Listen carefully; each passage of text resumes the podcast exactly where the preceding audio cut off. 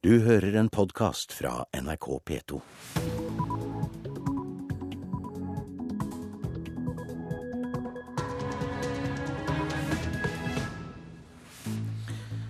Vel møtt til Nyhetsmorgen tirsdag 16. april. Nå klokka 6.30 har vi disse overskriftene. Tre personer drept og mer enn 140 såret i bombene mot Boston Marathon i går. We will get to the bottom of this.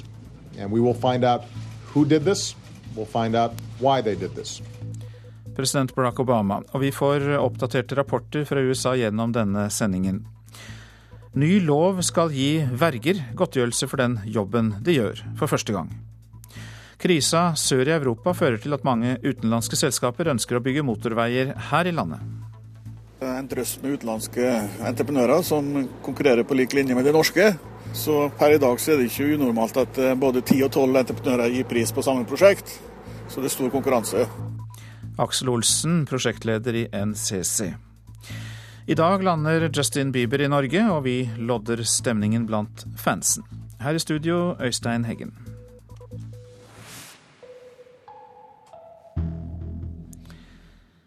Minst tre mennesker ble drept og flere enn 140 såret da to bomber ble sprengt i målområdet til Boston Marathon i USA i går kveld.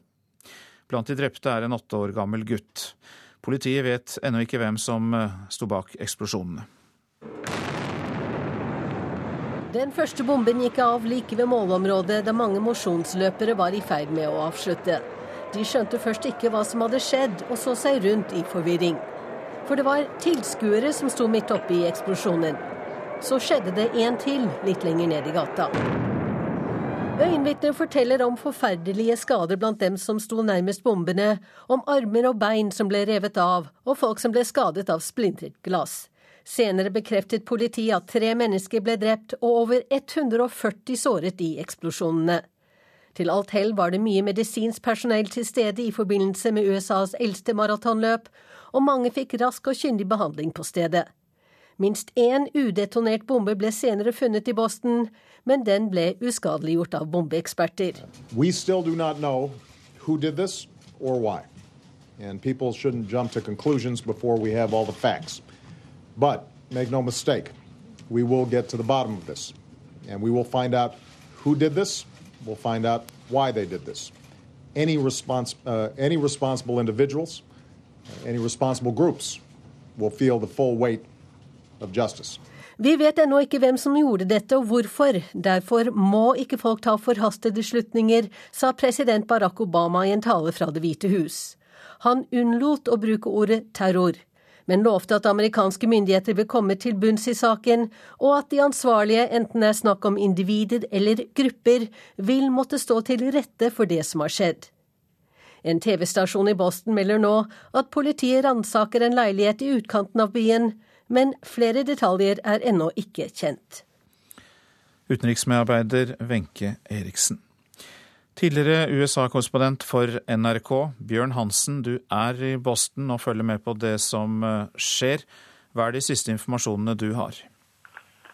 Vel, siste informasjonene er jo at uh, tallet på skadde faktisk uh, øker etter hvert som man får bedre oversikt.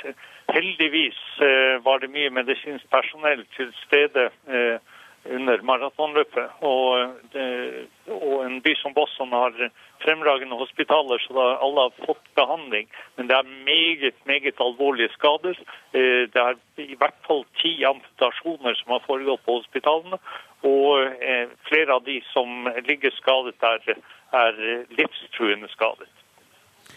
Som vi hørte i innslaget, så er det jo uklart hvem som kan stå bak eh, dette. Sier myndighetene noe mer om etterforskningen?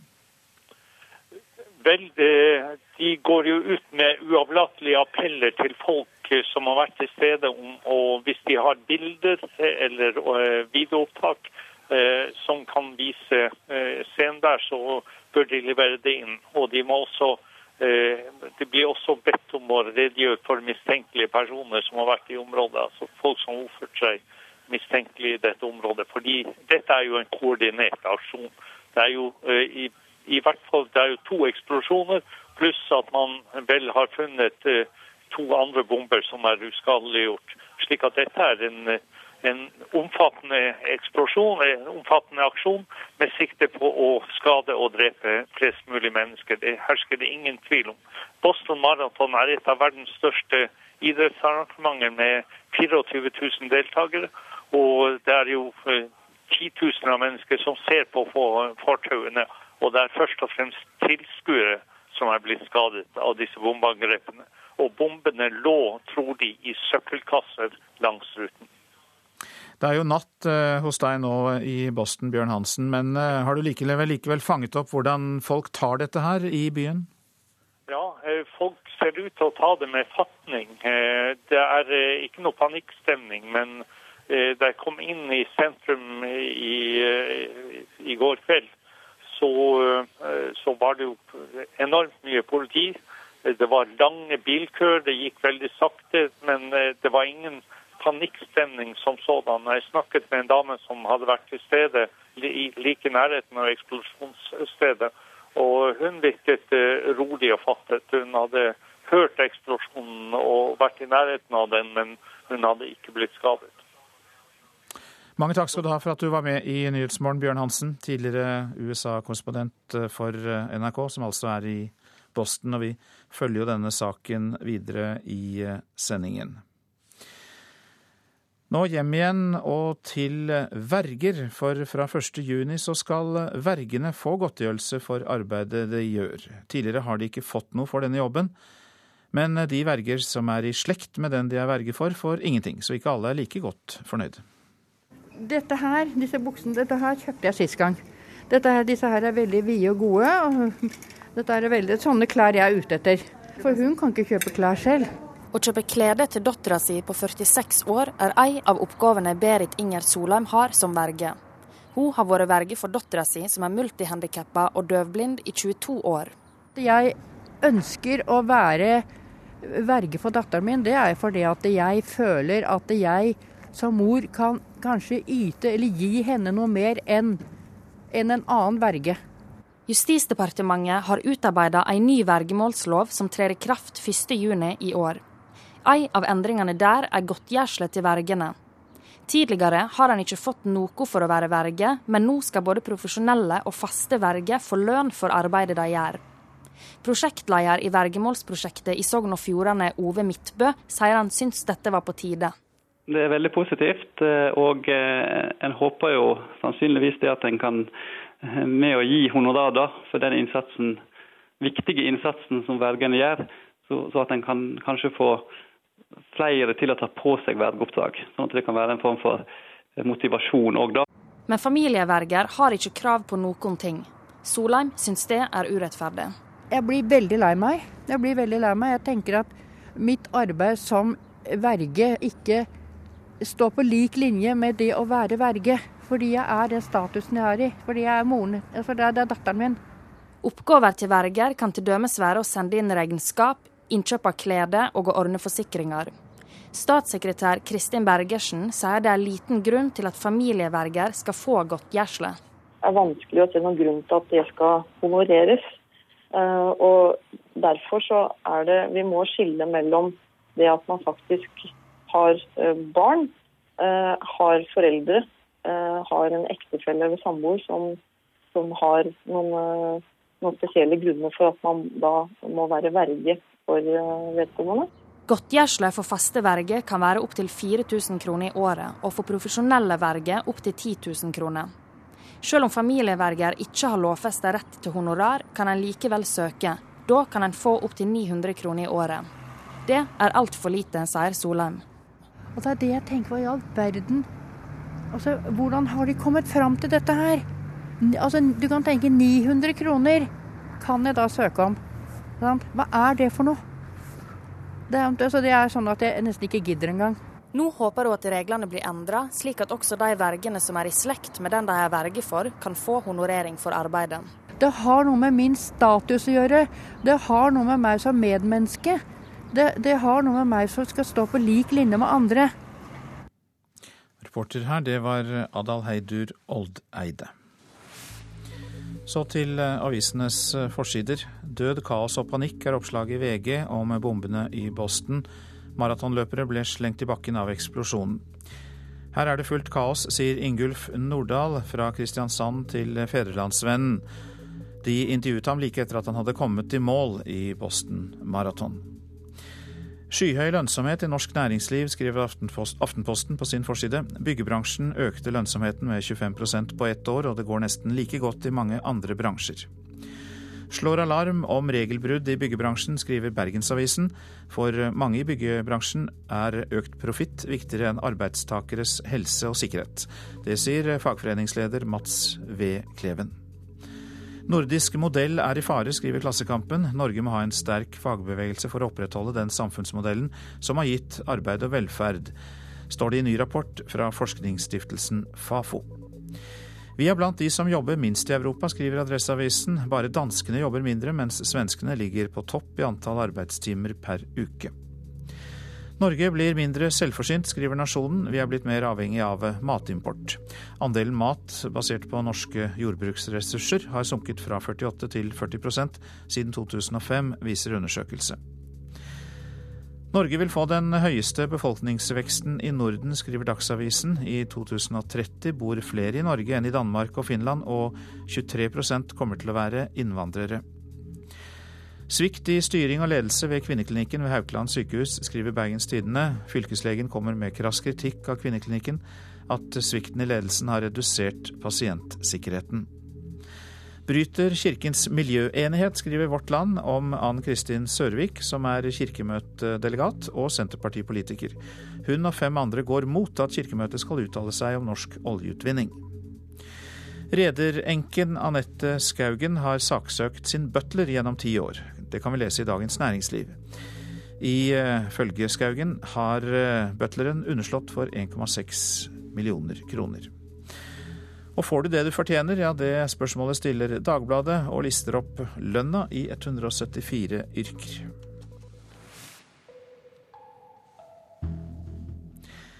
Det er uh, strid mellom boksepromotørene til Cecilia Brekkhus og Holly Holm. Lenny Fresques, som representerer Holm, sier at bokseren aldri vil møte Brekkhus. Fresques anklager teamet rundt Brekkhus for å bryte avtaler, og kaller kampen Brekkhus bokset mot Mia St. John for en skam. Den kampen kommer aldri til å bli en realitet, og alle kan takke Nisse Sauerland for at det ikke blir kamp. Han er grunnen til at Holm aldri vil møte Brekkhus. Nisse Sauerland er Cecilia Brekkhus sin promotør. Fresques føler seg lurt av Team Sauerland. La meg gjøre en ting veldig, veldig klart. Man forhandler ikke med én bokser om en kamp, for så å bokse mot en annen i stedet. Slik jobber ikke jeg. Brekkhus sin promotør Nisse Sauerland var svært opprørt over utspillet da NRK snakket med han sent mandag kveld. Han ville ikke la seg intervjue, men ba om å bli sitert på følgende. Han er en idiot. Jeg har tilbudt ham og Holly Holm et sekssifret beløp for å få denne kampen til å skje, men han virker ikke å ha peiling på hva boksing handler om. Han er helt umulig å ha med å gjøre, og jeg er ferdig med ham. Norske boksefans har den siste tiden bombardert hjemmesiden til Holly Holm i forsøk på å få henne til å bokse. Ikke stopp med det, er beskjeden fra Brekkhus-gjengen. I en SMS skriver Brekkhus sin manager. Cecilias ståsted er som det alltid har vært. Hun er klar for å møte Holly Holm når som helst. Proffboksingens gylne lov er at publikum får se de kampene de ønsker å se. Så med kraftig økende press fra boksefans verden over, vil også denne kampen bli en realitet. Det skriver Kyrre Merg i en SMS til NRK. Og det sa reporter Patrick Steen Rowlands. Dette er Nyhetsmorgen, og klokka er 6.44 der. Vi har disse hovedsakene. Tre personer drept og mer enn 140 såret i bombene mot Boston Marathon i går. FBI sier det kan ha vært en terroraksjon. Ny lov skal for første gang gi verger godtgjørelse for den jobben de gjør, men familieverger får ingen godtgjørelse. Krisa sør i Europa fører til at mange utenlandske selskaper ønsker å bygge motorveier her i landet. Mer om det snart her i Nyhetsmorgen.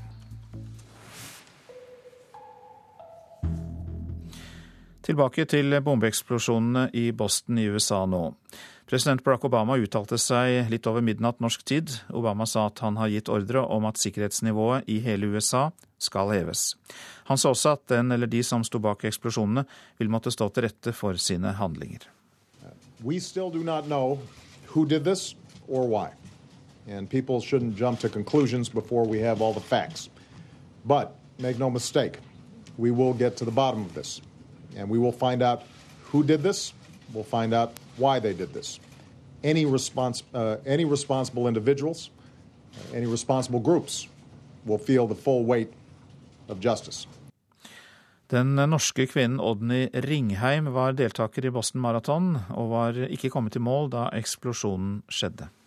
Ja, jeg var 40, jeg hadde sprunget 41 km og hadde 1 km igjen. Og da hørte jeg to smell. Og jeg tenkte først at dette er vel en salutt eller et eller annet de feirer i målområdet. Men så skjønte jeg på løperne rundt meg at dette var alvor. Og, og publikum, det sto jo det sto masse folk og heia i gaten, men det ble helt stilt med det samme eh, den, bombe, den eksplosjonen hadde vært. Eh, og så sprang vi en, en liten stund, og så ble vi stoppa av politiet. Hvor fort fikk du vite hva det var som hadde skjedd? Ja, Da sa politiet at det var, det var to bomber i målområdet. Så de sa bare at nå var løpet over. Vi kunne bare gå til, til bagasjebussene og hente klærne våre. Eh, så du noe til selve hendelsen? Nei, jeg var for langt vekke til det. Men hun som jeg reiser med, hun var mye nærere. og Hun så, hun så bomben og røyken. Og, og, og at det ble panikk. Folk begynte å springe vekk. Har det kommet noen opplysninger om hva slags bombe dette var? Nei, nå, Vi har akkurat kommet tilbake til hotellet, slik at vi har ikke hørt noen særlige nyheter. Det som vi opplevde på veien tilbake, var at, at vi ble stoppa og omdirigerte flere ganger. Fordi at de fremdeles lette etter flere bomber. Så det, var masse, det er masse politifolk i gatene alle plasser. Odny Ringheim, som ble intervjuet av Helge Jøssing seint i går kveld. Nå om veibygging her hjemme. Flere nye veiprosjekter og krise i Sør-Europa fører til at mange utenlandske entreprenører ønsker seg oppdrag i Norge. Et av de ettertraktede prosjektene er rv. 4 gjennom Gran kommune i Oppland. Trafikken dundrer forbi entreprenørene som er på befaring på rv. 4 i Gran. Den nesten to mil lange veien skal bygges ut til fire felt, med en lang tunnel under Gran sentrum. Men nå er det så mye bygging av vei og jernbane på Østlandet at de norske entreprenørene får konkurranse av utlendinger. Vi konkurrerer mot lavere lønninger, og det kan bli et problem, sier Aksel Olsen, som er prosjektleder i NCC. Ja, altså Hvis vi ser litt på konkurransesituasjonen som har vært de siste par åra, så har vi jo fått en drøss med utenlandske entreprenører som konkurrerer på lik linje med de norske. Så per i dag så er det ikke unormalt at både ti og tolv entreprenører gir pris på samme prosjekt. Så det er stor konkurranse. Mm. Og det er pga. at utlendingene eller utenlandske selskap er veldig interessert i det norske markedet. Hvordan ser dere i NCC på det nå? Ja, så Vi liker å konkurrere, men det er jo tøffere å få tak i jobber med en fornuftig pris. da. Mm. Utlendingene har jo den fordelen at de har faktisk en del billig arbeidskraft som vi sliter litt med å konkurrere på. Wolfgang Mislovic jobber i alpine Bau fra Østerrike, som allerede har et prosjekt på Minnesund. Før hadde de mye å gjøre i Sør-Europa, men med dårlige tider der vil de gjerne jobbe i Norge. Vi, vi var um, a lot in, in other countries in the, in the, in the south of, of Europe. And we are now looking more into into Norway because it's so stable here, the economy uh, and uh, the contracts are, are, very fair, and uh, the clients, uh, Statens vegvesen for example, is very fair. Til slike jobber som i Gran vil rundt halvparten av de ansatte være østerrikere, og halvparten fra andre land med lavere lønninger, sier Mislovic. It's normally more than the half uh, are from Austria. We have, we have Polish, uh, Hungarian people, but Um, the, the, the, skilled or the, the most one are from, from Austria. Stula Elvesveen er byggeleder i Statens vegvesen. Flere norske og fire utenlandske entreprenører har vist interesse for veien i Gran. Den er uh, veldig bra, synes jeg. Men Er det nok entreprenører på Østlandet for eksempel, eller i Norge nå til å bygge sånne ting? Det vil jo bare tiden vise, da. Tilbudsfristen her er jo 24. mai. Så vi kan ikke si noe sikkert før den datoen. Men interessen så langt er bra. Reportasjen var laget av Stein Skinstad. Jernutvinning i Hedmark var avgjørende for samfunnsutviklingen i sein vikingtid og tidlig middelalder. Det viser ny forskning. Det betyr at eh, historiebøkene må skrives om, mener arkeologiprofessor. I Solør, sør i Hedmark skoger, har arkeologene funnet spor etter en jernutvinning uten sidestykke i norsk målestokk en veldig storstilt jernproduksjon som skiller seg veldig ut ifra hele det eh, resten av eh, Norge da, som hadde jernproduksjon på samme tid. Sier Bernt Rundberget ved Institutt for arkeologi ved Universitetet i Oslo. I sin nye avhandling om jernutvinninga i Sør-Hedmark har han kommet fram til at et høvdingsamfunn i Solør på 600-tallet utvikla en unik teknologi for å utvinne jern i stor skala. Og De har sett at dette er en, en mulighet for å, for, å, få en økonomisk gevinst ut av og fått til en enorm produksjon da, som ikke du finner andre plasser i Norge på samme tid. Så mye som 130 000 tonn jern kan ha blitt produsert her i tidsrommet 950 til år 1300. Rundberget mener jernutvinninga i dette området var avgjørende for samfunnsutviklinga i Norge i denne perioden. Det mener jeg helt klart. Hvis en ser på det arkeologiske kildematerialet som mitt, så viser det her at det har vært så enormt stort at det må ha hatt en konsekvens for samfunnet. Jernet har vært veldig sentralt for den økonomiske utviklinga i Norge, fordi det er såpass store verdier i disse produktene. Teknologien spredte seg nordover Østerdalen og pågikk i flere hundre år, og omfatta på det største området fra Eidskog til Stor-Aurdal. Rundberget sier dette bidro til at Norge gikk fra høvdingsamfunn til kongedømme, og at det dermed rokker ved den allmenne historieforståelsen. Jeg mener det. Det har egentlig ikke blitt tatt inn da, i læreboka på samme måte som jeg mener kanskje det bør bli gjort. Da. Det er derfor at jeg også kaller avhandlinga mi for den dunkle dimensjonen. Det, det er noe jeg egentlig har visst litt om, men som aldri har kommet fram i lyset, hvor viktig det egentlig det her har vært. Jeg syns dette er et banebrytende arbeid innen norsk jernmineforskning. Professor i nordisk arkeologi og spesialist på jernutvinning Jan Henning Larsen ved Universitetet i Oslo mener den nye forskninga bryter med den rådende historieoppfatninga om at jordbruket var nærmest enerådende årsak til den økonomiske utviklinga. Det har vært helt håpløst å få historikerne til å forstå at landet vårt har basert seg på andre ressurser enn jordbruket. Professoren sier Rundbergets forskning om jernets betydning betyr at historia må skrives om. Det burde vært gjort for lengst. Og fredag forsvarer Bernt Rudberget sin doktorgrad om det betydningsfulle jernet. Og vi hørte altså da professor i nordisk arkeologi og spesialist på jernutvinning Jan Henning Larsen også. Reporter Stein S. Eide. Da får vi ta oss opp fra historiens dyp til det absolutt dagsaktuelle.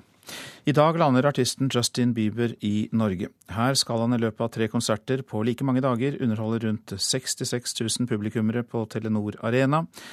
Men Bieber-fansen, kalt Belibre, ventet på ham allerede i går kveld. Han er liksom drømmemannen min. Jeg kan godt stå her hele natta for å se ham. kan vente, for å si det sånn. Ja. ja. Det går fint. Først i dag klokka 11 er det venta at Justin Bieber igjen skal sette foten på norsk jord. Da han var på lynvisitt for å spille på Operataket i mai i fjor, ble det hysteriske tilstander i Oslo.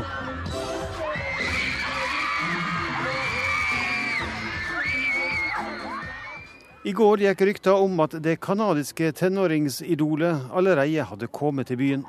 Men politiet sa at han først skulle komme i dag, og at de ikke visste hvor han skulle bo. Men slikt kan ikke en belieber tro på.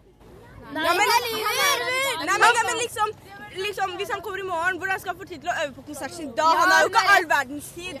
Divisjonsleder Erik Hestvik ved Oslo politidistrikt vedgår at han har vansker med å bli trudd.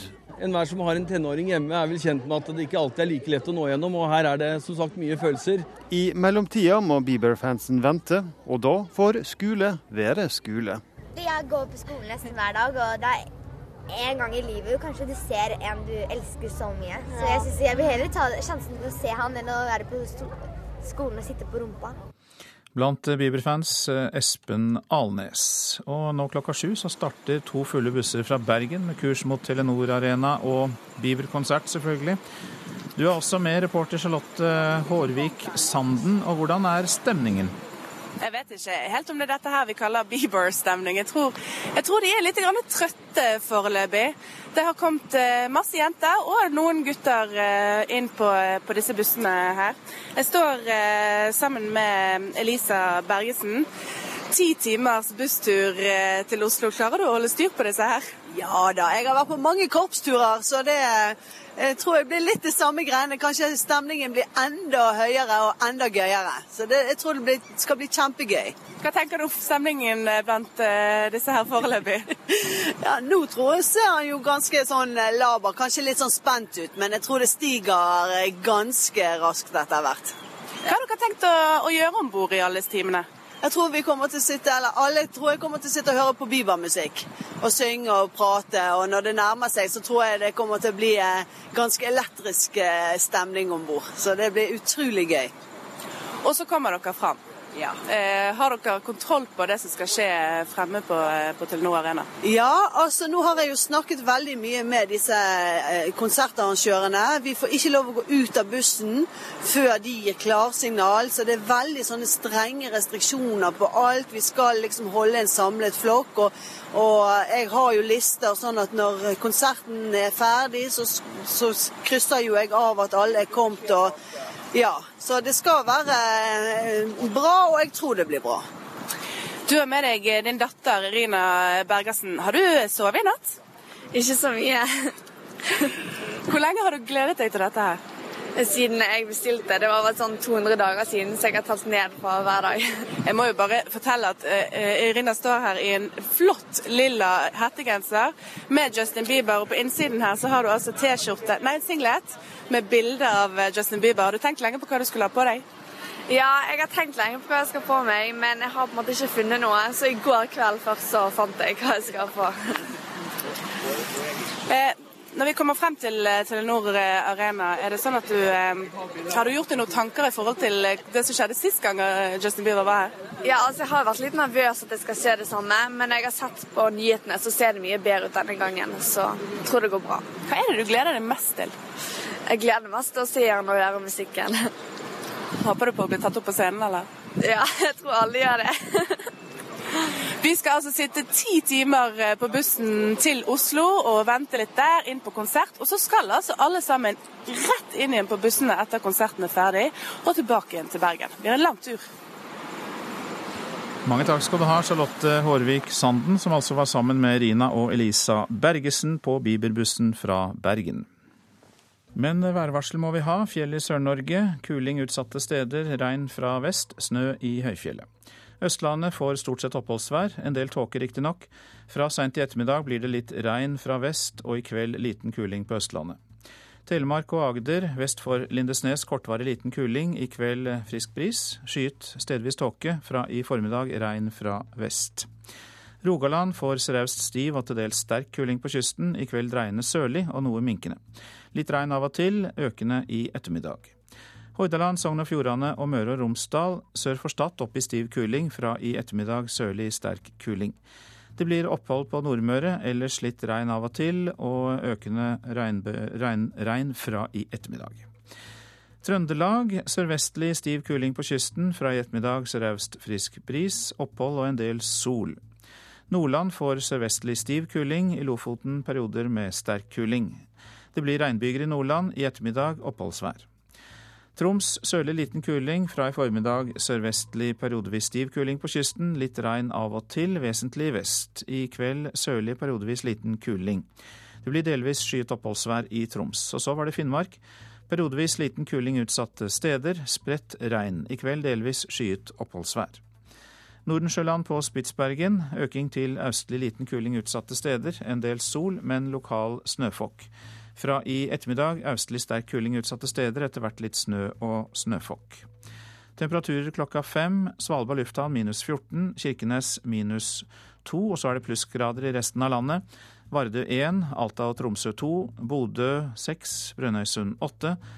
Trondheim 8, det samme, Trondheim 3, beklager. Molde og Bergen 8. Stavanger har vi ikke fått inn. Kristiansand 4. Gardermoen og Lillehammer 3. Røros 0. Og Oslo mangler vi data for i dag.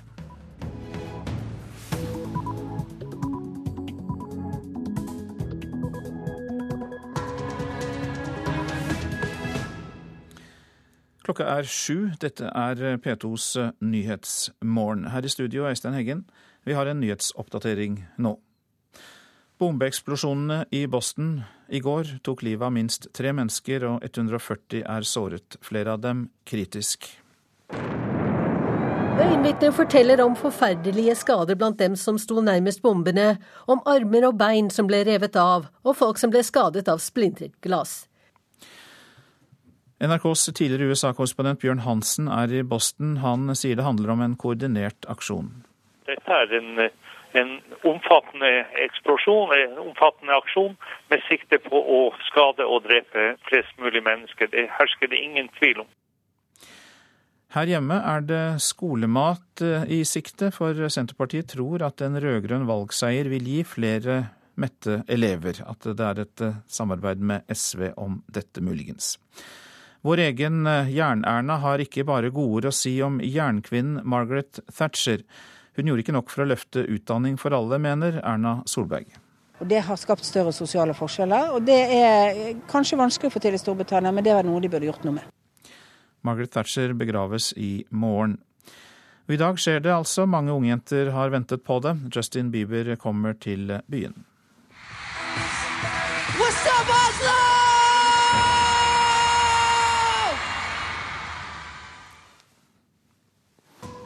Nyhetsmorgen. Minst eh, tre mennesker ble drept og flere enn 140 såret da to bomber ble sprengt i målområdet i Boston Marathon i USA i går kveld. Blant de drepte er en åtte år gammel gutt. Politiet vet ennå ikke hvem som sto bak eksplosjonene. Den første bomben gikk av like ved målområdet da mange mosjonsløpere var i ferd med å avslutte. De skjønte først ikke hva som hadde skjedd, og så seg rundt i forvirring. For det var tilskuere som sto midt oppe i eksplosjonen. Så skjedde det en til litt lenger ned i gata. Øyenvitner forteller om forferdelige skader blant dem som sto nærmest bombene, om armer og bein som ble revet av, og folk som ble skadet av splintret glass. Senere bekreftet politiet at tre mennesker ble drept og over 140 såret i eksplosjonene. Til alt hell var det mye medisinsk personell til stede i forbindelse med USAs eldste maratonløp, og mange fikk rask og kyndig behandling på stedet. Minst én udetonert bombe ble senere funnet i Boston, men den ble uskadeliggjort av bombeeksperter.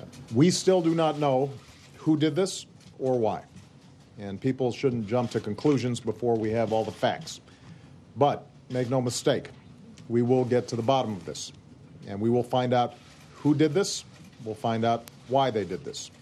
Any, respons uh, any responsible individuals, any responsible groups will feel the full weight of justice.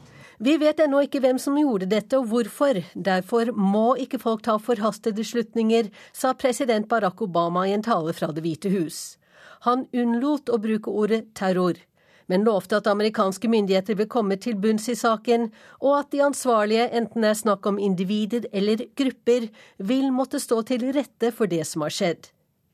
En TV-stasjon i Boston melder nå at politiet ransaker en leilighet i utkanten av byen, men flere detaljer er ennå ikke kjent.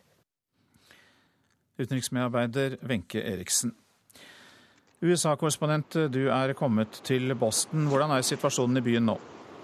Her er eh, ti kvartaler sperret av rundt uh, området der bombene smalt. Det er synlige politipatruljer også nå i kveld her i Boston.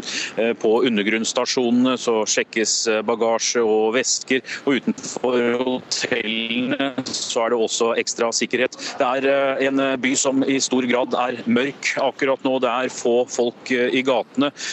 Dette her er en terrorhandling som stiller mange spørsmål. Hva blir eh, gjort fra myndighetenes side? Det er en eh, etterforskning eh, på gang. Nå er politiet forsiktige med å fortelle offentlig hva de har funnet og i hvilken retning eh, de går. Det hvite hus har tidligere sagt at enten om dette er en enkeltperson, en terroristorganisasjon som kommer fra utlandet eller her fra USA, så skal den eller de straffeforfølges og stå til ansvar for det som har skjedd. Dette her er en det har altså vært flere eksplosjoner. Flere som, eksplosjoner som har gått av med korte mellomrom. Og Det hvite hus sier at dette er en terrorhandling. Det føderale politiet, FBI, har overtatt etterforskningen. og Neste pressekonferanse er 15.30 norsk tid. Har du fått noe inntrykk av hvordan folk i Boston takler dette? Det er en eh, by hvor folk både har eh, tårer og de har et raseri og sinne. Folk eh, er oppskaket, samtidig så står de samlet. Det som har også fått følelsene ekstra i sving, er jo at i målområdet der maratonløperne kom inn, æresplassene var gitt til familier fra skolemassakren i Newtown. Flere av dem fikk nå nok et uh, sjokk. Flere av dem dem kan også være skadd. Nå er det eh, detaljer sykehuset eh, vil komme med eh, på morgenkvisten. Og politiet også, altså, som holder på å etterforske hva som har skjedd, kan kanskje ha noe mer når, når det blir morgen her i USA. Takk skal du ha så langt, USA-konsponent Anders Tvegård, som altså følger denne saken for oss fra Boston. Og minst tre mennesker ble altså drept og flere enn 140 såret da to bomber ble sprengt i målområdet til Boston Marathon. 30 nordmenn var i Boston for å springe maraton, og Odny Ringheim hadde nesten fullført løpet da den første bomben smalt. Jeg hadde sprunget 41 km og hadde 1 km igjen, og da hørte jeg to smell. Og jeg tenkte først at dette er vel en salutt eller et eller annet de feirer i målområdet. Men så skjønte jeg på løperne rundt meg at dette var alvor. Eksplosjonene skjedde like ved målstreken for Boston Marathon og skapte raskt kaos blant deltakerne. Publikum, Det sto jo det sto masse folk og heia i gaten, men det ble helt stilt med det samme den, bombe, den eksplosjonen hadde vært. Ringheim forteller at venninna hennes nettopp hadde passert målstreken da det eksploderte. Hun som jeg reiser med, hun var mye nærere. Hun så eh, hun så bomben og røyken. Og, og, og, at det ble panikk. Folk begynte å springe vekk. Eh, det som vi opplevde på veien tilbake, var at, eh, at vi ble stoppa og omdirigerte flere ganger. Fordi at de fremdeles lette etter flere bomber. det, var masse, det er masse politifolk i gatene alle plasser. Også Ingulf Nordahl forteller om redselen blant løperne og publikum i målområdet like etter at bombene eksploderte. Det er fullt kaos i byen. Det er sperra av målområder av politiet da. Og det er byen er omgjort til en krigssone med fullt av politibiler, det er ambulanse og det er pansra kjøretøy som kommer. Og det var en opplevelse å være nærmest i en krigssone når det først sto på. Det er en uh, uhyggelig uh, stemning i byen. Uh, ifra liksom at det er glede og jubelbrus fra alle de som har fullført uh, New York Marathon, og så til en uh, tragedie som uh, ramma idretten. En idrett som de fleste av oss hadde trodd var en trygg arena for oss. Reporter, det var Marte Halsør. Utenriksdepartementet har ikke fått inn meldinger om skadde eller drepte nordmenn etter eksplosjonen i Boston. Det sier pressevakt Kjetil Elsebutangen. Han sier de følger saken gjennom det norske generalkonsulatet i New York. Det har eh, altså da tidligere kommet fram at det var 30 påmeldte norske deltakere. Men Utenriksdepartementet kan ikke bekrefte dette antallet. Men altså ingen eh, norske skadde eller drepte.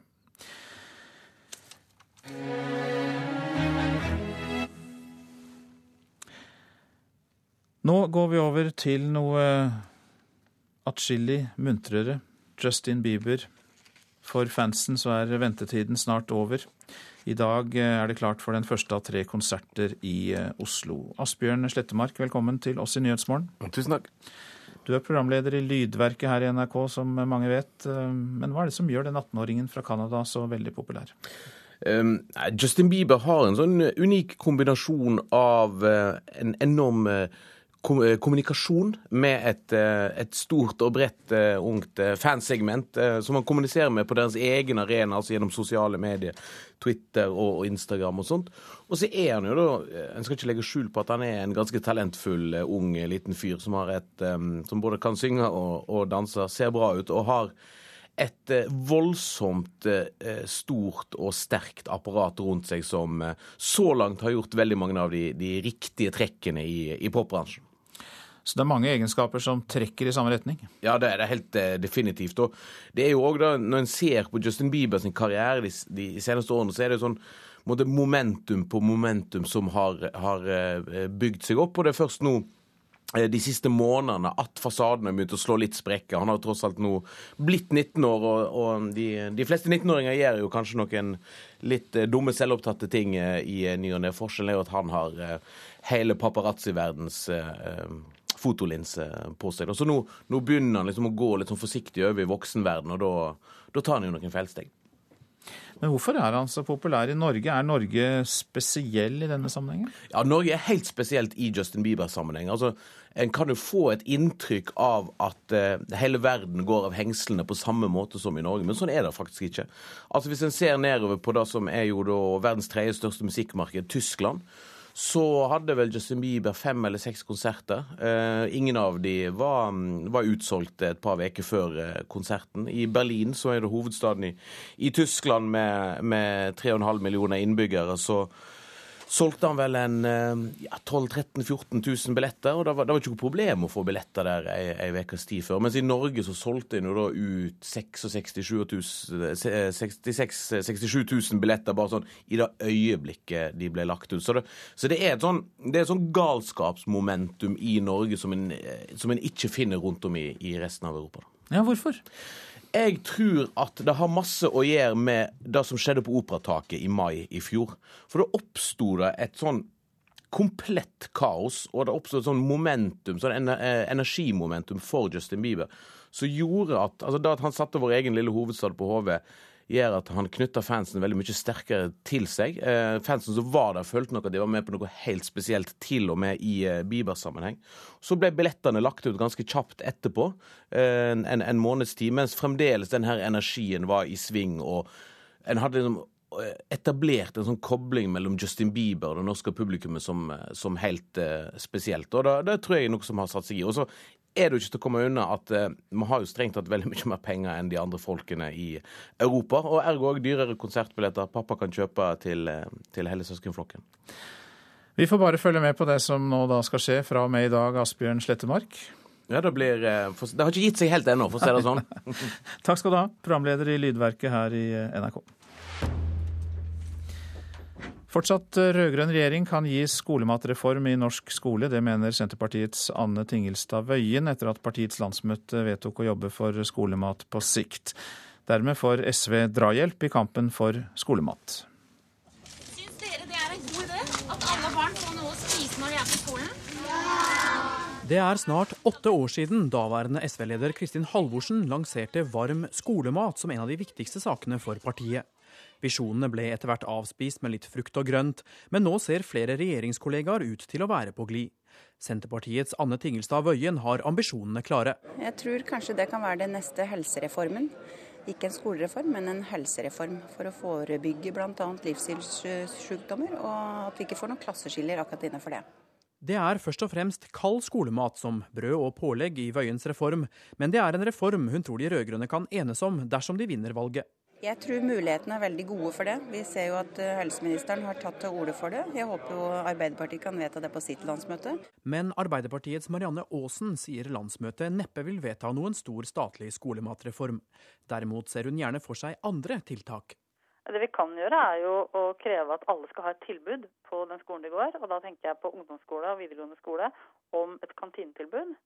Eh, og at vi samtidig passer på at det er definert hva slags mat man der får, at den er sunn, og at ikke det ender i colaautomater og, og skolebrød som selges over disk der også.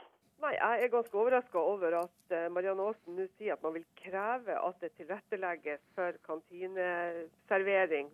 Det sier Høyres Elisabeth Aspaker. For Det betyr at man pålegger skoleeieren store investeringer som gjentar det Høyre har sagt lenge. Jeg kan ikke forstå at det er dette vi skal bruke pengene på i norsk skole, når vi nå trenger å satse alt det remme og tøy kan holde på etter- og videreutdanning og godt kvalifiserte lærere. Det kalles en eh, helsereform.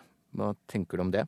Ja, jeg hører det, men eh, jeg, si, jeg hører ikke at man har tenkt å, å, si, å, å ta regninga for det. Men man snakker om at her skal foreldrene betale noe, og jeg hører Marianne Aasen krever at her skal skoleeierne legge til rette for det. Det er jo en ny oppgave til kommunene og fylkene, uten at eh, jeg føler meg overbevist om at de har tenkt å sende andre penger med enn de pengene som allerede ligger der i dag, og som er, skal brukes til undervisning. Aspaker vet hva som venter hvis skolene skal bygge kantiner. Ja, jeg har jo som kontaktlærer vært med å drive en elevbedrift eh, med en klasse på en ungdomsskole. Og når vi eh, skulle starte opp den og møtte Mattilsynet, så var det ikke måte på hva slags krav som da dukka opp. Berøringsfrie vasker, eh, spesielle oppvaskmaskiner. Det er klart at det er dyrt hvis man skal tilfredsstille sånne typer krav og legge til rette for å begynne å servere mat i norsk skole. Så skolemat blir for dyrt, og kantiner blir også for dyrt? Ja, altså, altså I Høyre så mener vi jo det at dette er en oppgave som norske foreldre har gjort i generasjoner, som de fortsatt kan gjøre. Og så må politikerne gjøre det vi kan gjøre, nemlig det å, å reservere og bevilge penger og satse på toppkvalifiserte lærere. For det kan ikke foreldrene gjøre. Det er en politisk oppgave å sørge for. Og Reporterne som eh, hadde laget dette innslaget, var Halvard Norum, Håvard Grønli og eh, Hans Jørgen Solli. Dette er Nyhetsmorgen. Klokka passerte nettopp 7.16. Vi har disse hovedsakene. Det er uvisst hvem som står bak eh, bombeeksplosjonen i Boston, som har tatt livet av minst tre og skadd 140 mennesker. Flere av de skadde kan være pårørende fra Newton-massakren. De hadde fått æresplasser i målområdet. Og her hjemme i Norge, for dedikerte Justin Bieber-fans, er ventetiden snart over. I dag er det klart for den første av tre konserter i Oslo.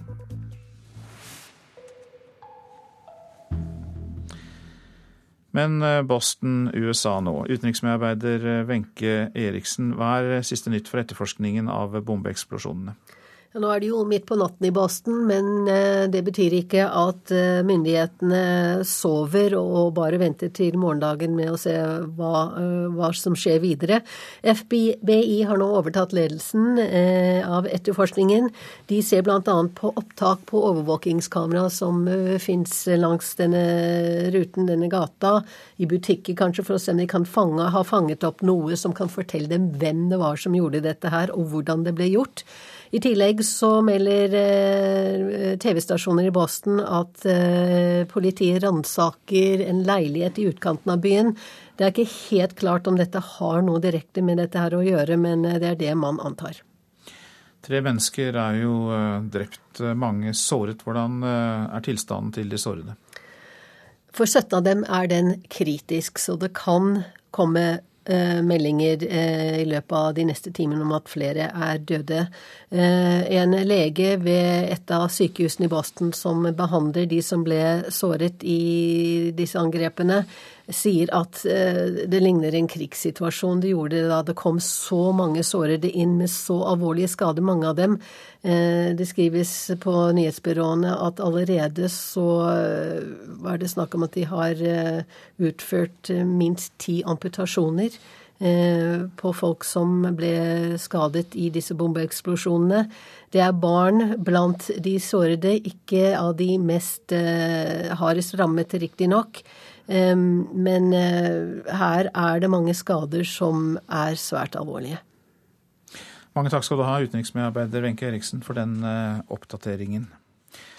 Et eh, amerikansk militærhelikopter av typen Black Hawk har styrtet nær grensen til Nord-Korea. Det melder det sørkoreanske forsvaret. Ingen personer skal være drept. Det er ikke klart hva som er årsaken til styrten. Og eh, det skjedde da altså under en militærøvelse med både amerikanske og sørkoreanske styrker. Høyrelederen, som eh, har tilnavnet Jern-Erna, mener at arven etter jernkvinnen Margaret Thatcher vil bli stående lenge. Men eh, Erna Solberg har ikke bare gode ord om den konservative eks-statsministeren som begraves i morgen. Hun gjorde mye bra på mange områder, men på ett område så gjorde verken hun eller eh, Major eller Blair eh, god nok jobb. Ikke god nok jobb. Erna Solberg har inntatt Thatcher-kritikernes rekker, og de rekkene er lange i Storbritannia. Folk som mener at Maggie Thatchers politikk førte til større forskjeller og økt fattigdom. Maggie, Maggie, Maggie, død, død, død, lød slagordene i demonstrasjoner i helgen. I morgen stiller folk seg opp med ryggen til langs ruta der kisten med Storbritannias første og eneste kvinnelige statsminister skal kjøres i prosesjon. Og Erna Solberg fra søsterpartiet Høyre i Norge mener altså at Thatcher ikke gjorde nok for å løfte utdanning for alle. Fortsatt er eh, mangelen på et godt utdanningssystem for de som har dårlig økonomi, de som er avhengig av de offentlige systemene, for dårlig i Storbritannia. Det bidrar til større klasseforskjeller. Så det engelske skolesystemet er ikke noe Høyre vil ta modell av hvis du nå kommer i regjering? Nei, vi lærer gjerne av de flinke skolene, men den modellen de har hatt, den har ikke gitt uh, grunnlag for at hele det engelske og, og britiske uh, systemet har klart å løfte talentene i, i, befolkningen. Og Det har skapt større sosiale forskjeller. og Det er kanskje vanskelig å få til i Storbritannia, men det var noe de burde gjort noe med. Og der kom også et spark til dagens regjeringssjef, også han fra det konservative partiet. Erna Solberg besøkte David Cameron i selve Thatcher-rommet i Downing Street nummer 10 i går. Og med portrettet av jernkvinnen stirrende ned på seg, var det lett for en kvinnelig partifelle med statsministerambisjoner å føle arven etter Thatcher. Jeg tror at arven kommer til å bli stående lenge. Hun moderniserte Storbritannia på det økonomiske området. Hun skapte et mer moderne samfunn i forhold til i politikken. Og kanskje den viktigste innflytelsen som gjør at noen nå er, eh, ja, er veldig i kritikk, er jo ikke enkelttingene hun gjorde, men hun flyttet faktisk hele det politiske England eh, litt mer eh, da, mot høyre. Også at Labour er et helt annet Labour i dag enn det det var eh, på 70-tallet. Eh, fagforeningene og de virkelig radikale kreftene har mye mindre makt. Ja, det sa Høyre-leder Erna Solberg, som altså er i Storbritannia og ble intervjuet av vår korrespondent der, Gry Blekastad Almås. Rundt 300 fanger i USA er henrettet med gift produsert av et selskap som oljefondet har investert i. Ifølge Aftenposten har oljefondet kjøpt aksjer for 208 millioner kroner i selskapet Hospira, som leverer medikamentene som brukes til henrettelser i amerikanske fengsler. Selskapet har vært en av de største leverandørene til amerikanske fengsler de siste ti årene. Myndighetene i Venezuela avviser oppfordringene fra utlandet og opposisjonen om en omtelling av stemmene etter søndagens valg. Det nasjonale valgrådet sier at Nicolas Maduro vant valget med 50,75% av stemmene. Den borgerlige kandidaten Enrique Capriles fikk 48,97% Capriles sier han ikke aksepterer resultatet og krever en omtelling. Politiet i hovedstaden Caracas måtte i går avfyre tåregass mot tilhengere av Capriles som protesterte mot resultatet. Så til eh, norske aviser og deres eh, forsider. Død, kaos og panikk er oppslaget i VG om bombene i Boston. Maratonløpere ble slengt i bakken av eksplosjonen. Her er det fullt kaos, sier Ingulf Nordahl fra Kristiansand til Fedrelandsvennen. Avisen intervjuet ham like etter at han hadde kommet i mål i Boston Marathon. Skyhøy lønnsomhet i norsk næringsliv, skriver Aftenposten på sin forside. Byggebransjen økte lønnsomheten med 25% på ett år, og det går nesten like godt i mange andre bransjer. Slår alarm om regelbrudd i byggebransjen, skriver Bergensavisen. For mange i bransjen er økt profitt viktigere enn arbeidstakeres helse og sikkerhet, sier fagforeningsleder Mats V. Kleven. Nordisk modell i fare, skriver Klassekampen. Norge må ha en sterk fagbevegelse for å opprettholde den samfunnsmodellen som har gitt arbeid og velferd. Det går fram av en ny rapport fra forskningsstiftelsen Fafo. Vi er blant de som jobber minst i Europa, skriver Adresseavisen. Bare danskene jobber mindre, mens svenskene ligger på topp i antall arbeidstimer per uke. Norge blir mindre selvforsynt, skriver Nasjonen. Vi er blitt mer avhengige av matimport. Andelen mat basert på norske jordbruksressurser har sunket fra 48 til 40% siden 2005, viser undersøkelse. Norge kommer til å ha den høyeste befolkningsveksten i Norden, skriver Dagsavisen. I 2030 bor flere i Norge enn i Danmark og Finland, og 23% kommer til å være innvandrere. Svikt i styring og ledelse ved kvinneklinikken ved Haukeland sykehus, skriver Bergens Tidende. Fylkeslegen kommer med krass kritikk av kvinneklinikken, at svikten i ledelsen har redusert pasientsikkerheten. Bryter med Kirkens miljøenighet, skriver Vårt Land om Ann Kristin Sørvik, som er kirkemøtedelegat og Senterpartipolitiker. Sørvik og fem andre går mot at Kirkemøtet skal uttale seg om norsk oljeutvinning. Rederenken Anette Skaugen har saksøkt sin butler gjennom ti år, kan vi lese i Dagens Næringsliv. Ifølge Skaugen har butleren underslått 1,6 millioner kroner. Og får du det du fortjener? Det spørsmålet stiller Dagbladet, og lister opp lønna i 174 yrker.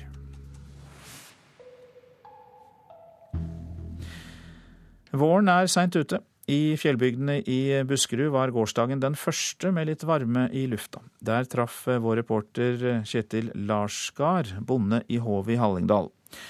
Han satt i tunet, så så på at snøen smelta, og ønsket seg en ikke altfor sein våronn. Men tid vil det ta, for det er fortsatt 45 cm snø på jordene på Larsgård. Ja, jeg tror faktisk at i dag er den første vårdagen. Ja. Men det er, det er rintele rundt hus på gården din her, da? Ja, det er mye mer snø enn det som pleier å være på denne tida. Ja. Hvor slags innvirkning har det på driftet av gården? Nei, jeg har ikke noe spesielle problem enda. Fordi at eh, det er veldig viktig det som skjer nå framover. Og det kan også, Han kan jo òg si det sånn at eh, når snøen ligger lenge, så blir nå mindre utsatt for den forsommertørka som vi har. Men det er klart at jeg håper jo det at det ikke skal gå så langt ut i mai før i gang med vårarbeid. Kjetil Larsgard mener situasjonen for bøndene er bedre denne våren i fjellbygdene enn i låglandet. I Øvre Hallingdal er våren kanskje ei til to veker seinere ute enn normalt. Kanskje, hvis jeg skal tippe, en plass mellom ei, og, ei vike og to uker. Så det er ikke verre, altså? Nei, det er ikke det. Så det er bedre, på en måte så er det bedre stilt her enn på flatbygdene? Ja, det er stor forskjell. Mm. For der er det jo kanskje en måned på etterskudd allerede. Ja. Men det, det, de som er mest utsatt, er jo de som driver med sau. Fordi at eh, de ønsker jo selvfølgelig å få ut sauen så fort som mulig. Men også begynner lembingen nå i slutten på april, og det kan fort gå at det blir etter 17. mai at de begynner å få ut sau. Nestor på mjølkeproduksjonsgarden i Hove, Svein Larsgard på 89 år, husker godt druge 60 år attende i tida. Da var det seinere vår, kan han fortelle. På Denne årstida så var det seinere, i 1951. Hvordan var det da? Da var det mye større snø enn det er nå. Vi hadde hatt en vet med snø og snø og snø, og, og stopp på Bergensbanen med ras nedover dalen her. Det hørte til dagens orden. Mm. 17. mai kunne vi godt arrangert langrenn her borte. Er det noen bønder som opplever ei vårknipe da det er litt sein vår? Ja, det kan nok hende at det er. At uh, en kanskje går fort om. Eh, det kan nok skje. Men eh, de har vel ikke noe problem med å skaffe seg fôr, tror jeg. For at det, de som kikker litt rundt, ser vel at det er eh, fortsatt ganske mange fôrballer som ligger tilgjengelig, som kanskje ikke blir fôra opp. Så, det, men den vårknipa er kanskje, hvis man kan snakke om det, er vel de som vil drive med tidlig produksjon. For dem er jo ikke særlig glad i altså grønnsaker f.eks., at, at det er eh, såpass seint og kaldt som det har vært nå. Det er vel det verste. Det sier rådgiver Dagfinn Ystad i Norsk landbruksrådgivning Østafjells. Medan bonde Kjetil Larsgard i Hove er evig optimist og tror at våronna er like om hjørnet. Sånn at når først snøen blir borte, så blir nok tælet nå borte. Og da blir det jo sånn at det tørker fortere opp på jordet. Ja. Så du ser i grunnen eh, sommersesongen eh, friskt i møte, du? Ja, jeg bekymrer meg i hvert fall ikke ennå. Det kan hende det kan bli et veldig bra fòrår. Og spesielt og kanskje hvis, den, hvis, det blir fine forhold i eh, mai og juni, og at en kan få en veldig god førsteslått. Ja, vi hørte til slutt bonde Kjetil Larsgard, og reporter var Gunnar Grimstveit. I Finnmark er det streik ved flere flyplasser. Widerøe flyr verken til eller fra Vadsø og Varde. I stedet går det buss til og fra Kirkenes. Også Honningsvåg og Mehamn lufthavn er stengt pga. streiken. Dovrebanen er fortsatt stengt mellom Dovre og Brennhaug pga. flom. NSB kjører buss for tog mellom Dombås og Otta. Også Meråkerbanen er stengt mellom Gudå og Kopperå pga. oversvømmelse. Du lytter til eh, Nyhetsmorgen. Den nordiske modellen og kjønnsnøytral verneplikt, det er stikkord for Politisk kvarter. Nå ganske straks er Odd Christian Dale klar med en utvidet Dagsnytt-sending. Har du tips eller kommentarer, så er e-posten til Nyhetsmorgen denne. Nyhetsmorgen krøllalfa nrk.no. Nyhetsmorgen krøllalfa nrk.no. Prosent i dag er Vidar Eidhammer. Her i studio Øystein Heggen.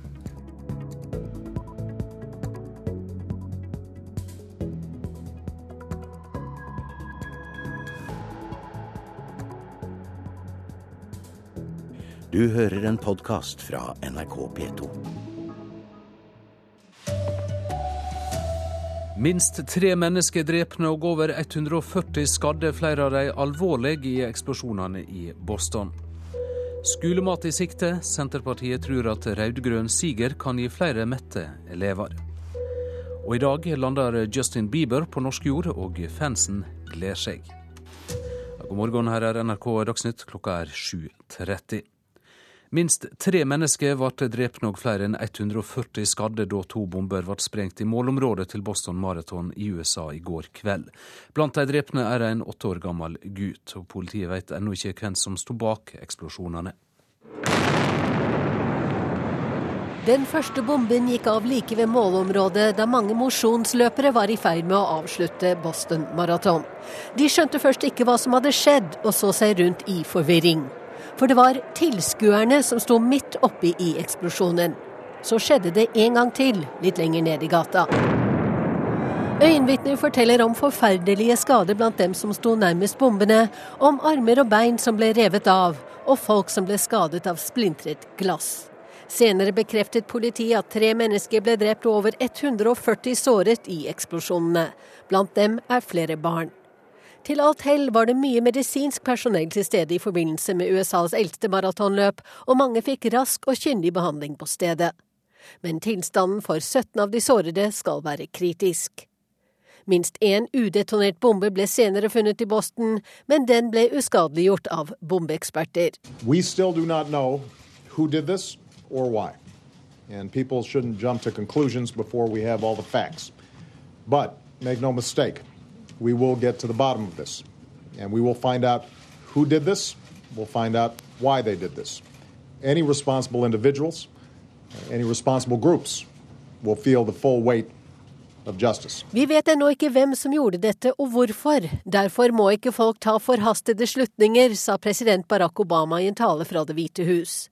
Han unnlot å bruke ordet terror, men lovte at amerikanske myndigheter vil komme til bunns i saken, og at de ansvarlige, enten det er snakk om individer eller grupper, vil måtte stå til rette for det som har skjedd. En TV-stasjon i Boston melder nå at politiet ransaker en leilighet i utkanten av byen, men flere detaljer er ennå ikke kjent. Det sa utenriksmedarbeider Wenche Eriksen. Og USA-korrespondent Anders Tvegård, du er i Boston og ikke langt unna der bombene gikk av eh, i går kveld norsk tid. Og nå er det altså natt i Boston. Hvordan vil du skildre stemninga i byen nå? Folk her er eh, opprørt. Dette her var en eh, dag hvor de skulle ha jubelrop i eh, gatene, og ikke ende opp med skrik, frykt og, hyling. Dette er et av de største maratonene i verden med en halv million tilskuere langs veien. På ærestribunen der var det familier fra skolemassakren i Newtown. De var altså i, i målområdet, og dette maratonet var også satt av for å minnes skytemassakren. Eh, nå i kveld så er det få folk her. Det er en by som er eh, i stor grad mørkt, og det er bare blålys som, eh, fra politipatruljene som, som lyser opp. Ja, Foregår det noe arbeid på skadestaden der bombene gikk av? Ja, jeg står eh, nå noen kvartaler fra området der to av eksplosjonene skjedde. og Politiet har sperret av eh, ti av eh, kvartalene, og det pågår arbeid der inne. kan jeg se. Det er også ransaking av et hus som pågår nå utenfor byen. Det har pågått i en sju-åtte timer, men FBI, som har overtatt etterforskningen, vil ennå ikke komme med noen detaljer. Det er naturlig nok mange som er ramma, og mange pårørende. Vet du noe om hva hjelp de får nå etter det som skjedde?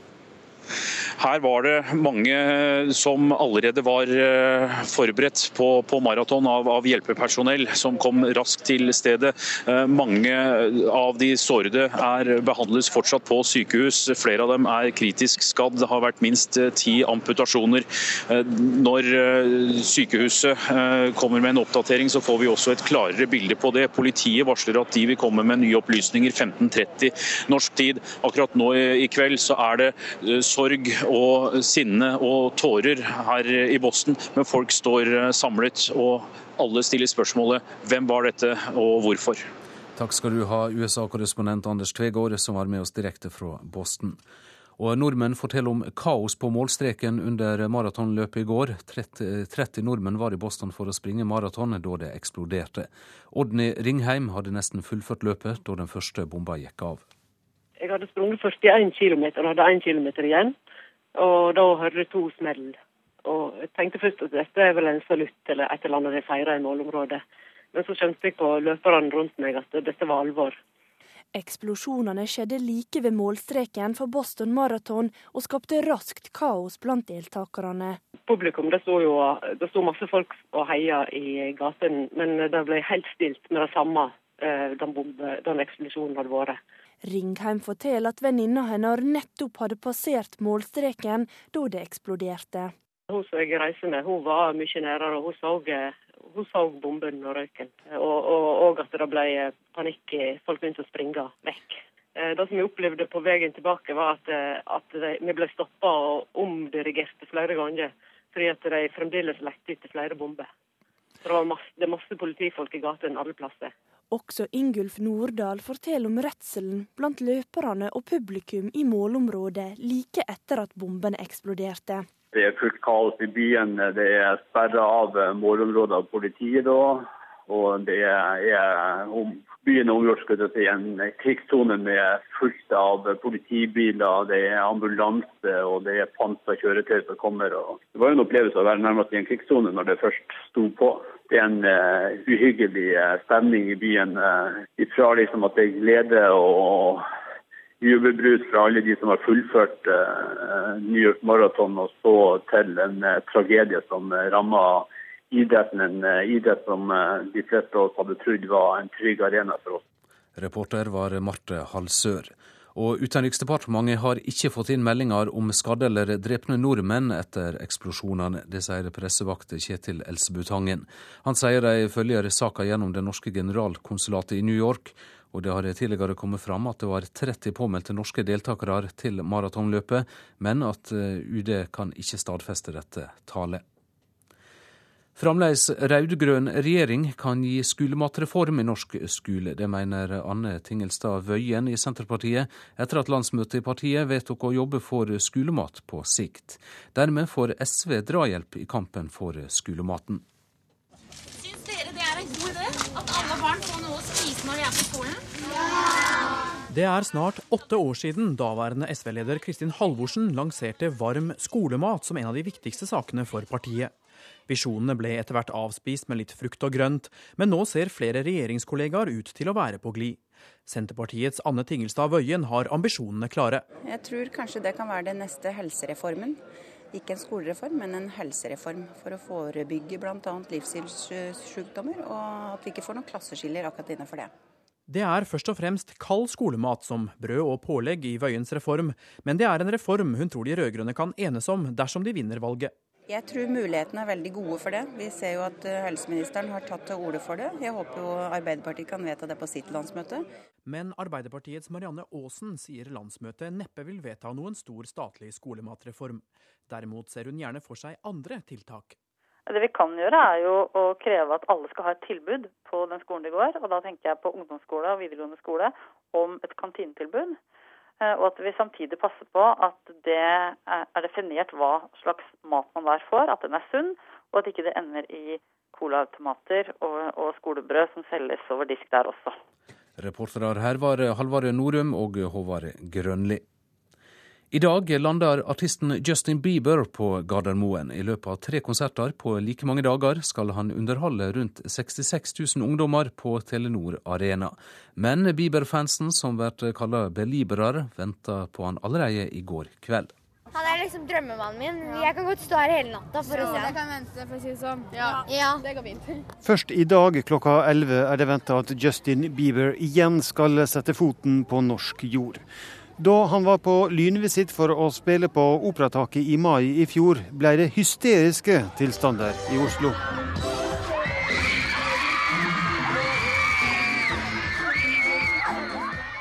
I går gikk rykter om at det canadiske tenåringsidolet allerede hadde kommet til byen. Men politiet sa at han først skulle komme i dag, og at de ikke visste hvor han skulle bo.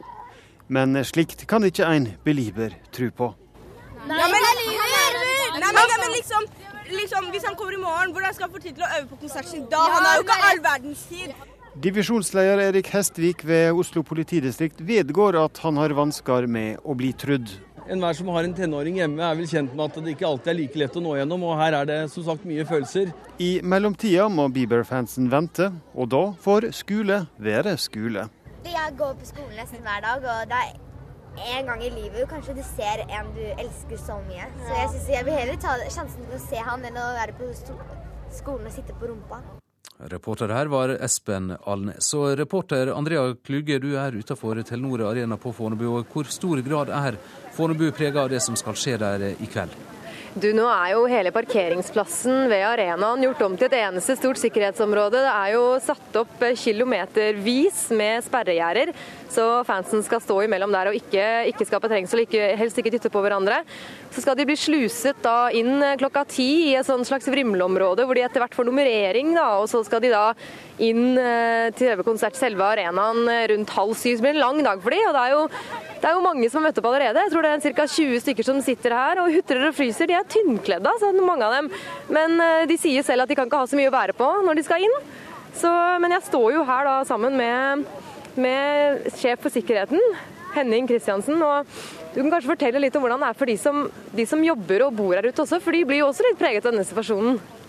Vi, vi, har i god tid i forveien informert om hva som kommer til å skje, og vi har gjort alt lagt ting til rette slik at den normale trafikken skal gå som planlagt. Det vi har gjort er å gjerde inn alle veiene ut fra Lysaker og utover godt ut på Snarøya, slik at det ikke er fristende å, slippe, å stoppe og slippe av publikum til arenaen langs veien. Så de må helt ut syd på øya for å få mulighet til å slippe av disse. Ja, og vet ikke om dere hører det i bakgrunnen her nå, men Jentene driver jo og danser hode, skulder, kne og tå for å holde varmen her. Men hva er det de som da kommer etter hvert her, hva er det de må passe på å ha med seg, og hva skal de gjøre? Nei, det, vi, er, vi, er veldig glad for at så få har stilt opp her, og at de har tatt oppfordringen på å ikke møte opp for tidlig. Det som er viktig for de som er hjemme og som er på vei, spis godt, kle dere riktig. Det er surt der ute nå og lad batteriene et annet sted enn her. sånn. Alle kommer inn, og vi jobber for oss å få artisten på scenen til avtalt tid. Og det er det viktigste for oss. Og dere har full kontroll på situasjonen her nå, ikke sant? Vi har en veldig god følelse nå, vi er godt forberedt. Ok, ja da ser det ut til at det, det er bra kontroll her, altså. Og det skal gå greit i kveld. Da får vi håpe alt går bra. Takk skal du ha, reporter Andrea Kluge. Promotøren til bokseren Holly Holm, Lenny Freskves, sier til NRK at Holly Holm aldri vil møte Cecilia Brekkhus i ringen. Han skylder teamet rundt Brekkhus for gjentatte brudd på avtaler, og kaller kampen der Brekkhus bokser mot Mia St. John for en skam. Den kampen kommer aldri til å bli en realitet, og alle kan takke Nisse Sauerland for at det ikke blir kamp han er grunnen til at Holm aldri vil møte Brekkhus. Nisse Sauerland er Cecilia Brekkhus sin promotør. Freskes føler seg lurt av Team Sauerland. La meg gjøre en ting veldig, veldig klart. Man forhandler ikke med én bokser om en kamp, for så å bokse mot en annen i stedet. Slik jobber ikke jeg. Brekkhus sin promotør Nisse Sauland var svært opprørt over utspillet da NRK snakket med han sent mandag kveld. Han ville ikke la seg intervjue, men ba om å bli sitert på følgende. Han er en idiot. Jeg har tilbudt ham og Holly Holm et sekssifret beløp for å få denne kampen til å skje, men han virker ikke å ha peiling på hva boksing handler om. Han er helt umulig å ha med å gjøre, og jeg er ferdig med ham. Det fortalte reporter Patrick Steen Rowlands. Ansvarlig for denne sendinga er Sven Gullvåg, teknisk ansvarlig Hanne Lunås og i studio Odd Christian Dale.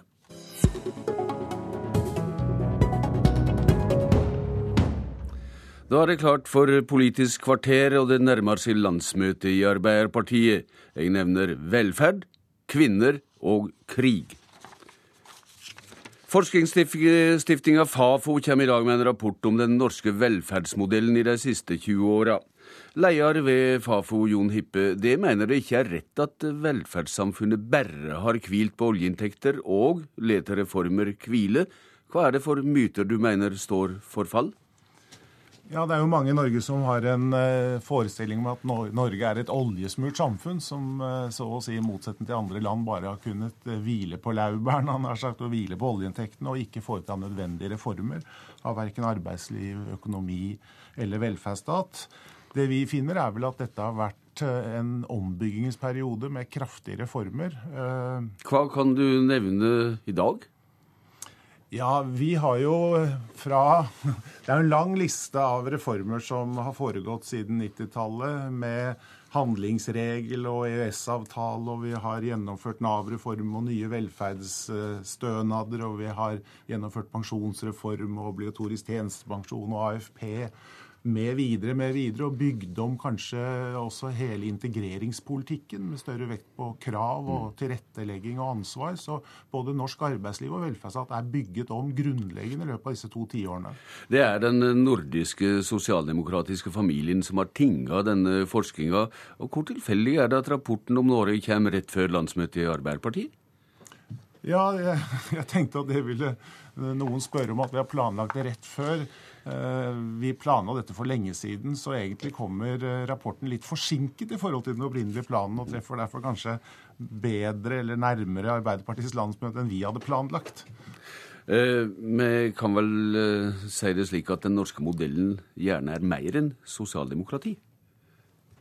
Ja, definitivt. Eh, vi legger jo særlig vekt på at partene i arbeidslivet og ikke minst fagbevegelsen, har i Norge vært involvert i utvikling av økonomisk politikk, utvikling av reformer i arbeidsmarkedet og ikke minst i velferdsstaten på en ganske unik måte. Og, det trekker også linjene tilbake historisk til 50- og 60-tallet. Mm. Slik at partene og partenes rolle i norsk samfunnsutvikling har vært veldig sentral. Og det i seg selv bidrar ikke også til å drive fram ganske stor eh, og bred politisk enighet om mange av de reformene vi har. Så når vi sier konsensus og kompromisser, så er det riktig. Og vi ser vel at det bygger på, på så å si maktforholdene i arbeidslivet. Det er diskusjon om eierskapet til den norske modellen. Mathilde Fasting, du er siviløkonom og idéhistoriker i den mer konservative tenketanken Civita. Hvor tilpassingsdyktig til røyndommen er den modellen vi hører om her, slik du ser det? Ja, vi sier jo først og fremst at det har rukket å lese av rapporten, virker som om den virkelighetsbeskrivelsen som Fafo kommer med, er en relativt god virkelighetsbeskrivelse, som mye av det Civita også har skrevet de senere årene, passer godt inn. Men uh, som, eh, som, vi også peker på, så ville vi når vi snakker om den eh, norske nordiske modellen, også trekke frem eh, sider som kanskje ikke kommer fullt så godt frem. Bl.a. de sterke liberale demokratiene som vi har i Norden, og også sivilsamfunnets rolle, og ikke minst den velfungerende markedsøkonomien som også støtter opp om den måten vi har laget velferdsordningene på, og hvordan arbeidslivet fungerer. Er det høyresidas påtrykk som har ført til dette, etter slik det ser det? Eh, jeg har et lite ankepunkt, og det er at eh, denne rapporten starter i 1990. Og eh, vi mener vel heller at den verste krisen for den norske modellen var egentlig på 70-tallet. Det var da det var om å gjøre å begynne denne ombyggingen som da den rapporten heter. Og som ble forsinka, slik jeg ser det, og kleppepakker, som det heter. Ja, kanskje det. Og så kom liberaliseringen og, og dereguleringen med de borgerlige regjeringene på 80-tallet. Og når du tar med deg den delen av historien, så ser vi kanskje heller 90-tallet og eh, jobben videre fremover da som en videreføring av det, slik at uh, vi mener vel at uh, hele landskapet har gått mer mot høyre og mer mot en liberal tilnærming, ikke at uh, høyrepartiene har gått mot sentrum i så stor grad. Altså, da blir jo fortellingen litt annen når du starter med det utgangspunktet. Men, ja, men får jeg skyte inn der at du, du har rett i det at den kraftige liberaliseringen av norsk økonomi på Varemarkedene den startet jo på 80-tallet og fortsatte innover på 90-tallet, eh, som vi også beskriver. Eh, og det har blitt gjort av eh, hva skal jeg si, alle regjeringskonstellasjonene. Vi har jo Statoil, og vi har Post og Tele og Telenor. Eh, og statskraft og hele liberaliseringen av de grunnleggende eh, offentlige tjenestene. Det, det, vi sier som er interessant, er at vi har hatt, fått denne kombinasjonen av en kraftig liberalisering av økonomien, samtidig som vi har en ganske egalitær eller lik fordeling eh, i Norge. Og vi har opprettholdt arbeidslivsmodellen og velferdsstaten er intakt. Så det er den kombinasjonen som gjør Norge unik. Eh. Så jeg er helt enig i liberaliseringen av økonomien, men det er kombinasjonen med velferd og arbeid som, som vi peker på som unikt. Jeg tror vi må over til framtida her. Eh, Jon Hippe til slutt i rapporten omtaler det en modell under press, som det kaller det. Og Det er bl.a. snakk om internasjonale økonomiske vansker, det er høyt lønnsnivå, og det er endringer i alder og pensjonsutgifter. Hva er utfordringene i politikken framover nå, slik du ser det på bakgrunn av de forskning? Ja, det er jo flere. altså Selv om det på en måte har vært gode resultater eh, på 90- og 2000-tallet, og det har gått framover, ikke minst når det gjelder sysselsetting, så er det eh, åpenbart at Norge har et eh, kostnadsnivå, et lønnsnivå, som er svært høyt. 70% over våre europeiske handelspartnere, nesten 40 over de nordiske landene. Og sånn sett så øker jo hele tiden fallhøyden. Mm. Så, så, det er en utfordring. Hvor, hvor raskt skal endringen i Norge gå mot en oljeøkonomi? Mathilde Fasting, fra høyresida har det mellom annet vært argumentert for romsligere arbeidslovgivning. Eh, hva reformer i den norske modellen er mest om å gjøre framover, slik du ser det? Det er et handlingsrom nå av de neste to stortingsperiodene som bør benyttes. Det ene er at eh, vi da kan bruke handlingsregelen til å Eh, se på innholdet av den. Altså få frem f.eks. vekstfremmende skatteletter, utdanning, forskning og selvfølgelig infrastruktur, samferdsel. Men arbeids, på arbeidsmarkedet så er det viktig å si at vi har en trepartsmodell, og den bør opprettholdes som tre parter, men da med de, de tilpasningene som skal til i arbeidsmiljølov, og også når det gjelder midlertidig arbeid, og i det hele tatt hvordan det fungerer. For der er det en del ting å gjøre, særlig som spiller en rolle for effektivisering av offentlig sektor, som er helt nødvendig. Det er ikke noen politisk eh, konsensusidyll, dette? Nei, ikke akkurat på det området. Jon Hippe, de kaller perioden 1990 til 2012 for ei sågom suksess. Men det høres ut her som bobla kan breste fort? Ja, men det vet vi jo fra historien og fra mange andre land, at eh, det kan gå fort opp og det kan gå fort ned. og Det lærte vi oss ikke minst på, på 80-tallet. Sånn at jeg er helt enig i at de neste to stortingsperiodene eh, fram til 2020 blir veldig viktig i forhold til hvordan vi innretter oss. fordi da går faktisk belastningen, eller denne såkalte eldrebølgen, noe ned. Eh, og vi får mulig et handlingsrom. Eh, men vi vet jo at utgiftene skal kraftig opp eh, etter 2020. Så det å satse på en skattelettepolitikk eh, i den perioden kan jo fort vekk gjøre vondt verre i forhold til hva vi skal inn i om noen få år.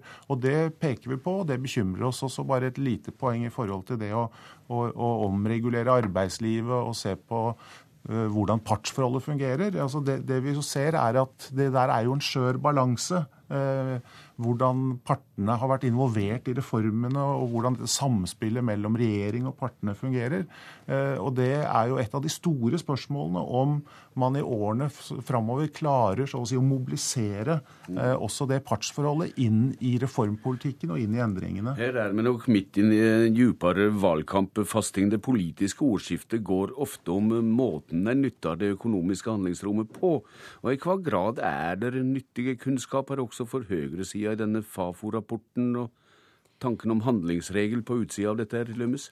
Eh, jeg tror at eh, alle bør lese rapporten, også fordi at det er en del eh, bra informasjon som går på hva som har skjedd de siste 20 årene, men med det blikket at dette er et sosialdemokratisk bilde. Og jeg vil si kanskje som en liten kritikk at avslutningen av rapporten viser tydelig det ståstedet, og dermed så, så bør man ha det for øye. Men likevel så er det mange interessante trekk som pekes på, og også en del av de utfordringene som Hippe her nevner, er vi helt Eh, helt, enig og helt på linje, og jeg tror de fleste politiske partiene vil stille seg bak det. Men det er som sagt da hvordan skal vi da løse det? Og da tror jeg at løsningene vil bli ganske forskjellige når du snakker mm. med de forskjellige politiske partiene fremover. Men samme hva disse løsningene blir hippe, så er det spørsmål om endringsvilje som er avgjørende, da, hvis jeg forstår det rett? Ja, men ikke bare endringsvilje, men endringsevne. Eh, det som har kjennetegnet 90-tallet, er jo det at vi har klart å få til endring, omstilling og reformer i et ganske stort omfang, som eh, i noen grad har levert resultater. og I tillegg har jo Norge hatt flaks på mange vis. Men, men det er denne endringsevnen som vi må klare å, å, videreføre. Og det er jo ikke sikkert vi får til. Blant annet er vi bekymret for en svekkelse av fagbevegelsen, særlig i privat sektor i årene som kommer. Så det er all grunn til å være opptatt av evnen. Uh, uroa kan du framføre seinere også, Mathilde Fasting, men du skal da få studere dette nøyere fra klokka ni i dag, da rapporten blir lagd fram på en konferanse i Oslo. Takk til Mathilde Fasting fra Civita og Jon Hippe fra Fafo.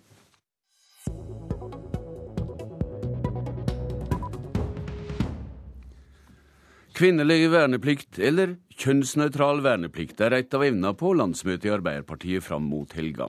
Så langt i landsmøtesesongen har SV, Senterpartiet og Venstre sagt ja til det kjønnsnøytrale. Flertallet i programnemnda i Arbeiderpartiet har derimot sagt nei, og medlemmet i nemnda, Else-May Botten, du sa også nei der, men har snudd. Hvorfor det? Ja, det, det, stemmer det. Og det er jo litt sånn at eh, når man sitter i en, en, sånn type diskusjon, så har det jo ikke vært sånn at man har sagt nei til kvinner i Forsvaret i programmet uansett.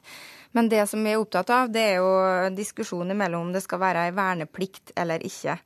Eh, og min innfallsvinkel til å følge det som står i programmet, var jo at jeg var bekymra for det her eh, Skal det her bli en ny byrde for damer? Mm. Litt gammeldags holdning, sånn som jeg ser det sjøl òg. Men hva er det for argument du har fallet mest for i din snuoperasjon, da?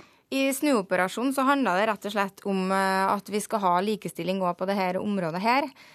Og jeg ser heller at det er mye mer muligheter innenfor Forsvaret for damer og at det ikke er noe stor forskjell, for det er jo ikke det fysiske, tunge grepene man, eh, man skal forholde seg til, men det er andre avanserte operasjoner man jobber med. Men eh, du var for så vidt så vidt innom det her innledningsvis. Men ser du ikke at kvinner til dømes har andre samfunnsoppgaver, som til dømes barnefødsler? Jo, men jeg tror at eh, det går godt an å kombinere og, og fø og være i Forsvaret. Man eh, trenger ikke gjøre det akkurat samme, samme tidspunkt. Så jeg, jeg, tenker at det er faktisk veldig mulig å gjøre begge deler. Og så er det jo sånn at mm. fordi om vi sier at vi skal ha kjønnsnøytral verneplikt, så betyr det jo ikke at alle damer på, i 18-19-årsalderen skal inn i Forsvaret. For det har jo nettopp med om eh, hva mange Forsvaret har behov for. Og så er det jo ei, ei utplukking der òg, og det er jo dem som er mest motivert og som er best kvalifisert, som får muligheter. Noen vil si at krigsmakt og omsorgsinstinkt ikke kan henge sammen. Hva sier du? Jeg mener at det absolutt henger sammen. Ikke minst så tenker jeg i forhold til den eh, situasjonen vi har hatt i Afghanistan så tror jeg det at eh, det var behov for å få kvinnelige eh, aktører inn i Forsvaret, fordi at de har en helt annen mulighet til å komme i kontakt med kvinnene i det samfunnet osv. Det var helt tydelig at det eh, det har vi hatt som en fordel hvis vi har gjort det. Nå skal altså dette debatteres på landsmøtet i Arbeiderpartiet. og Hva er etter ditt syn de tyngste grunnene som taler mot kjønnsnøytral verneplikt, og som du da la til grunn da du tok ditt første standpunkt? Ja, nei, jeg, jeg, jeg, tror på en måte det henger litt uh, i at, uh, at det, det, den byrdesida av det mange kanskje har vært redd. Men jeg syns jo det er utrolig artig å se at AUF-erne er så aktive på det området her og vil ha kjønnsnøytral verneplikt. Da tenker jeg at da må i hvert fall vi andre stille opp i forhold til det, og gi Forsvaret den kompetansen de har behov for òg. I hva grad er kjønnsnøytral verneplikt en viktig likestillingssak? Jeg mener at det er en veldig viktig likestillingssak, og jeg mener òg at eh, det er kanskje den eh, siste saken vi skal få kvittert ut som men er, er veldig sånn tydelig. Er viktigere enn likelønn, f.eks.? Nei, likelønn er viktig, men det får jo alltid sin plass, og det jobber man jo kontinuerlig med. Men det her er jo et område man snakker veldig lite om, og nå mm. har vi jo muligheter til å faktisk vedta på Stortinget allerede før sommeren det her. Mm. I praksis er det nå bare en liten del av årskulla som gjør førstegangstjeneste, så i hva grad ser du kjønnsnøytral verneplikt eh, på som en god valgkampsak? Eh, jeg mener jo det at eh, det her med å gi det mulighetsrommet er viktig. Det å ikke det å motivere kvinner til å inn i Forsvaret er mye viktigere enn å på en måte si at nei, vi, vi avventer og ser. Det er for få kvinner nå. Vi må gjøre noe med det. Takk til deg, Else-May Botten. Landsmøtet i Arbeiderpartiet begynner torsdag. Politisk kvarter er slutt. Jeg heter Bjørn Bø. Du har hørt en podkast fra NRK P2.